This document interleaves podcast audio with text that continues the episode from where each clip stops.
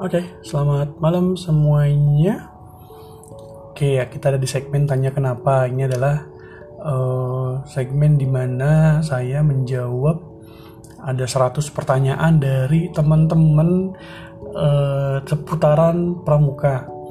Uh, entah pramuka secara umum, nanti juga ada banyak pertanyaan tentang spesifik permasalahan pramuka di golongan penegak sama pandiga gitu ya kita ya sambil sharing aja sih. Nanti kalau memang ada dari teman-teman yang merasa penjelasan saya eh, atau opini dari saya kurang pas nanti boleh uh, diingatkan di kolom komentar.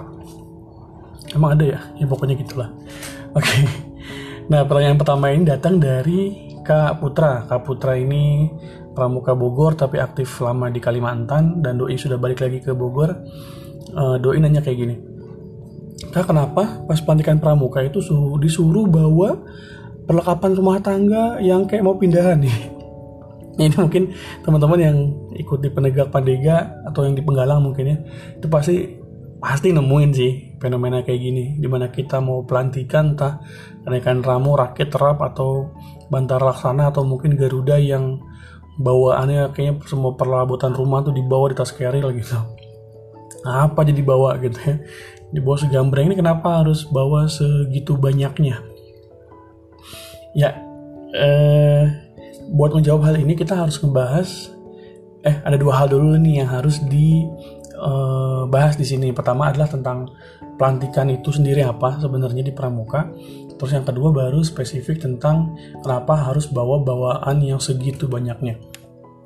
Nah sebenarnya pelantikan ini di gerakan pramuka ini udah diatur uh, karena spesifiknya sebenarnya pramuka yang sebenarnya di gerakan pramuka itu adalah bagian dari kegiatan pendidikan yang namanya upacara. Nah, upacara ini di gerakan pramuka sebagai alat pendidikan gitu ya. Nah, lebih spesifiknya lagi, upacara ini dibahas di keputusan Kuartir Nasional nomor 178 tahun 19, eh, 1979 tentang upacara di gerakan-gerakan pramuka. Itu dibahas tuh semua uh, perbab-babnya. Nah, khusus lagi kalau kita kerucutkan lagi tentang penegak itu ada di bab 8 kalau nggak salah. Nanti teman-teman boleh cek sendiri ya. Nah, di situ dijelasin tuh tentang tata cara pelaksanaan pelantikan yang merupakan bagian dari kegiatan upacara sebenarnya. Mulai dari penerimaan tamu ambalan, eh, pelantikan calon penegak, pelantikan penegak bantara, sampai penegak laksana dan seterusnya. Gitu. Eh, tapi sebelumnya ini ada beberapa hal yang harus kita lurusin dulu. Eh, karena banyak di kalangan teman-teman pramuka yang mm, masih salah nanggepin gitu tentang pelantikan tuh apa. Ini ada ada ada lima ada lima hal nih yang sering salah tanggap lah tentang pelantikan tuh apa. Yang pertama, pelantikan itu sama dengan penggojlogan atau uh, jurit malam atau sejenisnya lah. Apakah ini benar? Sebenarnya enggak. Kenapa? Karena pelantikan itu sendiri sebenarnya adalah kegiatan di mana uh, prosesnya si peserta didik ya dilantik sama pembinanya dengan cara apa? uh, banyak cara tergantung tingkatannya. Misalkan untuk bantara. Bantara itu prosesnya nanti si pembina tanya jawab tentang isi poin SKU eh, dicek SKU-nya sudah oke di dalam ini di dalam upacara ya. Terus setelah selesai uh, si anak mengucapkan uh, ulang mengucap ulang janjinya dalam hal ini Trisatya. Karena ini seorang penegak jadi dia mengucap ulangi janji Trisatya. Setelah selesai disematkan itu namanya bed bantaranya kalau memang lulus. Udah segitu doang. Prosesnya itu pelantikannya namanya.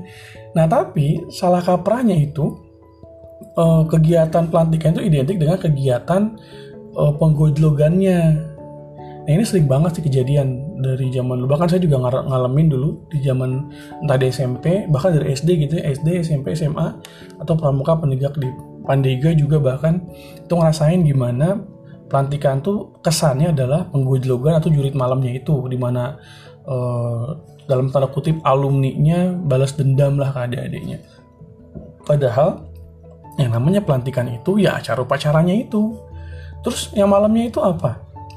Nah, yang malamnya itu sebenarnya adalah proses pengujian ulang. Nah, ini akan saya bahas di belakang deh uh, tentang proses pengujian ulang itu kayak apa di gerakan pramuka. Terus uh, yang kedua, pelantikan itu identik dengan kegiatan yang harus menginap. Nah tadi yang seperti di awal saya bilang, ya nggak harus dong, karena kan ini cuma upacara doang. Masa iya upacara kegiatannya bisa 24 jam kan nggak mungkin. Padahal kegiatannya kalau dirunut paling cuma 30 menit gitu. Jadi apakah pelantikan harus menginap? Enggak. Terus kok selama ini kita ada, ada kegiatan menginapnya? Nah itu bisa jadi karena e, beberapa hal di antaranya mungkin kebijakan dari pembina gugus depannya yang mau mengadakan e, pengujian ulang poin SKU yang mengharuskan si anak untuk menginap nanti jelasin lagi di belakang tapi yang pasti pelantikan itu nggak harus menginap terus yang ketiga pelantikan itu kegiatannya harus di hutan atau di alam terbuka yang gelap atau di ya sejenis hutan seperti itulah gitu Nah ini juga nggak benar. Balik lagi ke pengertiannya, mungkin proses pengujian ulangnya memang e, beberapa butuh medan yang e, banyak pohon, dalam hal ini hutan misalkan. Kegiatan mm, membaca jejak atau peta misalkan atau kompas. Membaca kompas itu kan harus punya medan yang memang lebih ke arah hutan sana. Tapi dalam pelaksanaannya sendiri itu nggak harus di hutan. Malah jadi aneh kalau pelantikan dalam konteks upacara yang sesungguhnya itu dilaksanakan di hutan. Ini kan malah jadi yang lah bagaimana upacara di hutan gitu ya? Pohonnya rapet terus daerahnya nggak datar gitu. Yang ada nanti malah ke patok ular repot. Gitu. Jadi apakah pelantikan harus di hutan? Ya enggak lah yang pasti harus di tanah lapang gitu ya. Itu. Terus yang berikutnya yang nomor empat pelantikan itu adalah ajang balas dendam alumni. Nah ini nih yang akan saya mau mau coba share bareng-bareng deh. Kenapa ada kesan bahwa pelantikan itu selalu jadi ajang balas dendamnya kakak kelas ke adik kelasnya? Atau dalam hal ini alumni padahal di pramuka nggak ada alumni ya. Um, nyebutnya anggap aja sekarang gitulah. Alumni-nya ke adik kelasnya misalkan udah kelas 3 udah lulus tiba-tiba ada pelantikan adiknya nih kelas 11 mau pelantikan calon penegaknya mau pelantikan bantara uh, kakak-kakaknya udah lulus datang tuh lulus SMA datang lagi ke SMA buat tanda kutip menggojlok adik-adiknya seperti apa yang kami rasakan dulu gitu. Nah ini sebenarnya dalam konteks pendidikan itu nggak dibenarkan sama sekali buat ajang balas dendam. Sekarang coba kita runut kenapa ada hmm, ada ada kesan ajang balas dendam Pertama, bisa jadi karena waktu dia dulu dilantik, dia mengalami hal yang sama, dan dia nggak dapat penjelasan kenapa gue diginiin. Nah, kenapa ini bisa kejadian? Bisa jadi karena kurangnya kontrol dari si pelaksana kegiatan. Nah, pelantikan itu sebenarnya kerjaan siapa sih? Nah, pelantikan itu sebenarnya adalah tanggung jawab penuh dari pembina gugus depannya pembina putra dan pembina putri. Kalau memang peserta pelantikannya putra, ya pembina putranya. Kalau pelaksanaan kegiatan pelantikannya putri, ya pembina putrinya wajib hadir. Nah, e, mereka nih yang berkewajiban buat mengatur semua kegiatan pelantikan, bahkan dari runutan kegiatan uji coba kegiatan eh, uji ulang kegiatannya.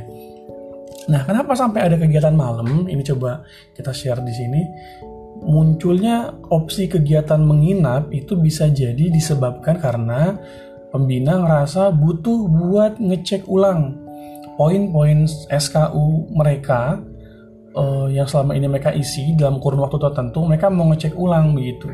Dan karena poin-poin SKU itu kan ada lebih dari 20 kan nah makanya mereka butuh waktu lebih lama buat mengecek itu makanya waktunya butuh agak lama Terus kenapa di sini muncul alumni misalkan? Atau orang-orang yang udah lulus sebenarnya? Atau kakak-kakak kelasnya gitu. Nah, pikiran positifnya bisa jadi gara karena si pembina ini butuh tenaga bantuan. Karena dia cuma sendiri misalkan ya. Atau pembinanya cuma berdua putra putri sedangkan anak-anaknya ada 20 misalkan. Butuh e, dibantu buat di, untuk buat mengawasi. Nah itu sebenarnya ya sah-sah aja selama masih di bawah kontrol dari si pembina tersebut. Tapi pelaksanaan di lapangannya nggak begitu. Kebanyakan sebaliknya pembinanya nggak belum paham mungkin ya. Jadi ketika alumni datang atau kakak-kakaknya datang, itu anak-anak dilepas gitu aja dikasih ke alumninya. Nah karena nggak ada pengawasan dari orang dewasa, dari pembinanya dalam hal ini, akhirnya si seniornya atau kakak-kakaknya atau alumninya berbuat seenaknya. Akhirnya muncullah kesan bahwa uh, kegiatan uji ulang malamnya itu yang mereka sebut pelantikan sebagai ajang balas dendam. Gitu. Terus gimana sebaiknya? Ya sebaiknya kembalikan ke marwahnya bahwa yang melaksanakan kegiatan full adalah pembina yang menguji ulang, yang mengetes satu per satu poin per poinnya, emang harus pembina. Pun harus minta bantuan dari pihak luar, maka ini harus banget di bawah uh, kontrol dari seorang pembina itu sendiri. Gitu, jadi nggak boleh dilepas tuh uh, kegiatan jurit malamnya gitu ya kalau memang si pembina merasa perlu ada itu. Terus jurit malam tuh apa sih? Nanti kita akan bahas di segmen lain deh karena fokusnya malam ini bukan tentang itu. Yang kedua, yang terakhir ini tentang masalah barang bawaan. Oke, jadi sebenarnya barang bawaan ini adalah kenapa ke sana begitu banyak? Bisa jadi karena kegiatannya panjang, bisa jadi dua hari satu malam karena menginap kan. Karena mereka menginap, akhirnya mereka harus bawa perlengkapan mereka sendiri, perlengkapan menginap, perlengkapan buat makan, buat masak, buat mandi, buat ganti baju, dan segala macamnya. Akhirnya penuhlah itu tas begitu.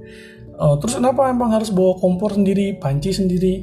Nah ini biasanya tergantung segmennya. Kalau anak-anak uh, siaga sih nggak mungkin kan masak sendiri atau penggalang di awal-awal tuh penggalang ramu misalkan itu juga nggak mungkin mereka buat ngelola sendiri. Tapi kalau udah di penggalang rakit terap, apalagi di penegak nih anak-anak SMA, ya mereka uh, udah di kondisikan buat masak sendiri, buat mandiri. Begitu akhirnya mau nggak mau mereka harus bawa perlengkapan mereka buat masak sendiri. Biasanya juga ini perlengkapannya harusnya dibagi rata. Misalkan mereka satu sangga 8 orang itu dibagi rata tuh yang bawa uh, kompor siapa, yang bawa panci siapa dan segala macamnya. Nanti petugas masaknya pun bergantian. Jadi uh, perlengkapan berat ini sebenarnya dilihat hmm, kebutuhannya untuk apa juga? Karena kalau mereka bawaannya sedikit terus mereka nginep ya makannya gimana gitu. Terus mereka bawa sleeping bagnya gimana kayak gitu gitu nah kecuali ada barang-barang tambahan. Ini juga ini juga subjektif banget tergantung si pembinanya mau ngetes pakai ujian apa. Misalkan kalau si pembina mau ngetes uh, di sisi pengembaraan penegak misalkan mereka diminta buat mengembara dikasih rute jejaknya begitu mereka harus keliling di daerah tertentu. Uh, mau nggak mau kan mereka harus bawa perlengkapannya bawa kompas bawa tongkat bawa uh, bidai dan perlengkapan P3K nanti di khawatir jalan ada apa gitu ya. Nah itu juga barang-barang yang harus dibawa. Jadi apakah banyak banget? Bisa jadi iya. Karena memang kebutuhan kegiatannya memang banyak dan harus seperti itu. Karena uh, kalau Badan Powell bilang tuh anak pramuka tuh tidak mungkin kaget. Jadi anak pramuka itu mustahil kaget. Kenapa? Karena anak pramuka itu selalu uh, sudah mempersiapkan kemungkinan-kemungkinan apa yang akan terjadi di depannya. Begitu. Jadi makanya imbas dari itu mereka harus bawa perlengkapan seefisien mungkin. Tapi mungkin kalau terlalu terlalu, terlalu kebanyakan juga sebenarnya ini juga harus dievaluasi sama pembina. Gimana caranya biar kegiatan uh, yang namanya pelantikan ini kembali ke marwahnya bahwa pelantikan memang hanya dilantik saja. Begitu tanpa uh, pun misalkan pembina tidak mau mengadakan kegiatan malam mereka datang pagi langsung dilantik boleh apa enggak? Ya boleh boleh aja sah sah aja. Selama pembina menganggap bahwa memang itu sudah cukup buat uh, si anak-anak si peserta didiknya buat naik ke tingkat berikutnya. Begitu. Jadi ya itu dia penjelasannya kenapa harus baunya kayaknya banyak banget gitu. Ya sebenarnya nggak banyak karena lihat kondisinya. Kecuali misalkan anehnya gini pelantikannya cuma satu hari siang ke sore sore dilantik misalkan. Tapi perlengkapannya baunya segambring nah itu juga salah juga. Gitu. Makanya karena uh, itu perlengkapannya juga harus disesuaikan sama kondisi dan situasi kegiatan tersebut. Begitu. Iya itu dia kurang lebih jawabannya buat uh, pertanyaan kita yang pertama tentang kenapa kalau pelantikan bawa barang-barang yang segambreng. Oke, okay, thank you. Sampai ketemu di pertanyaan berikutnya.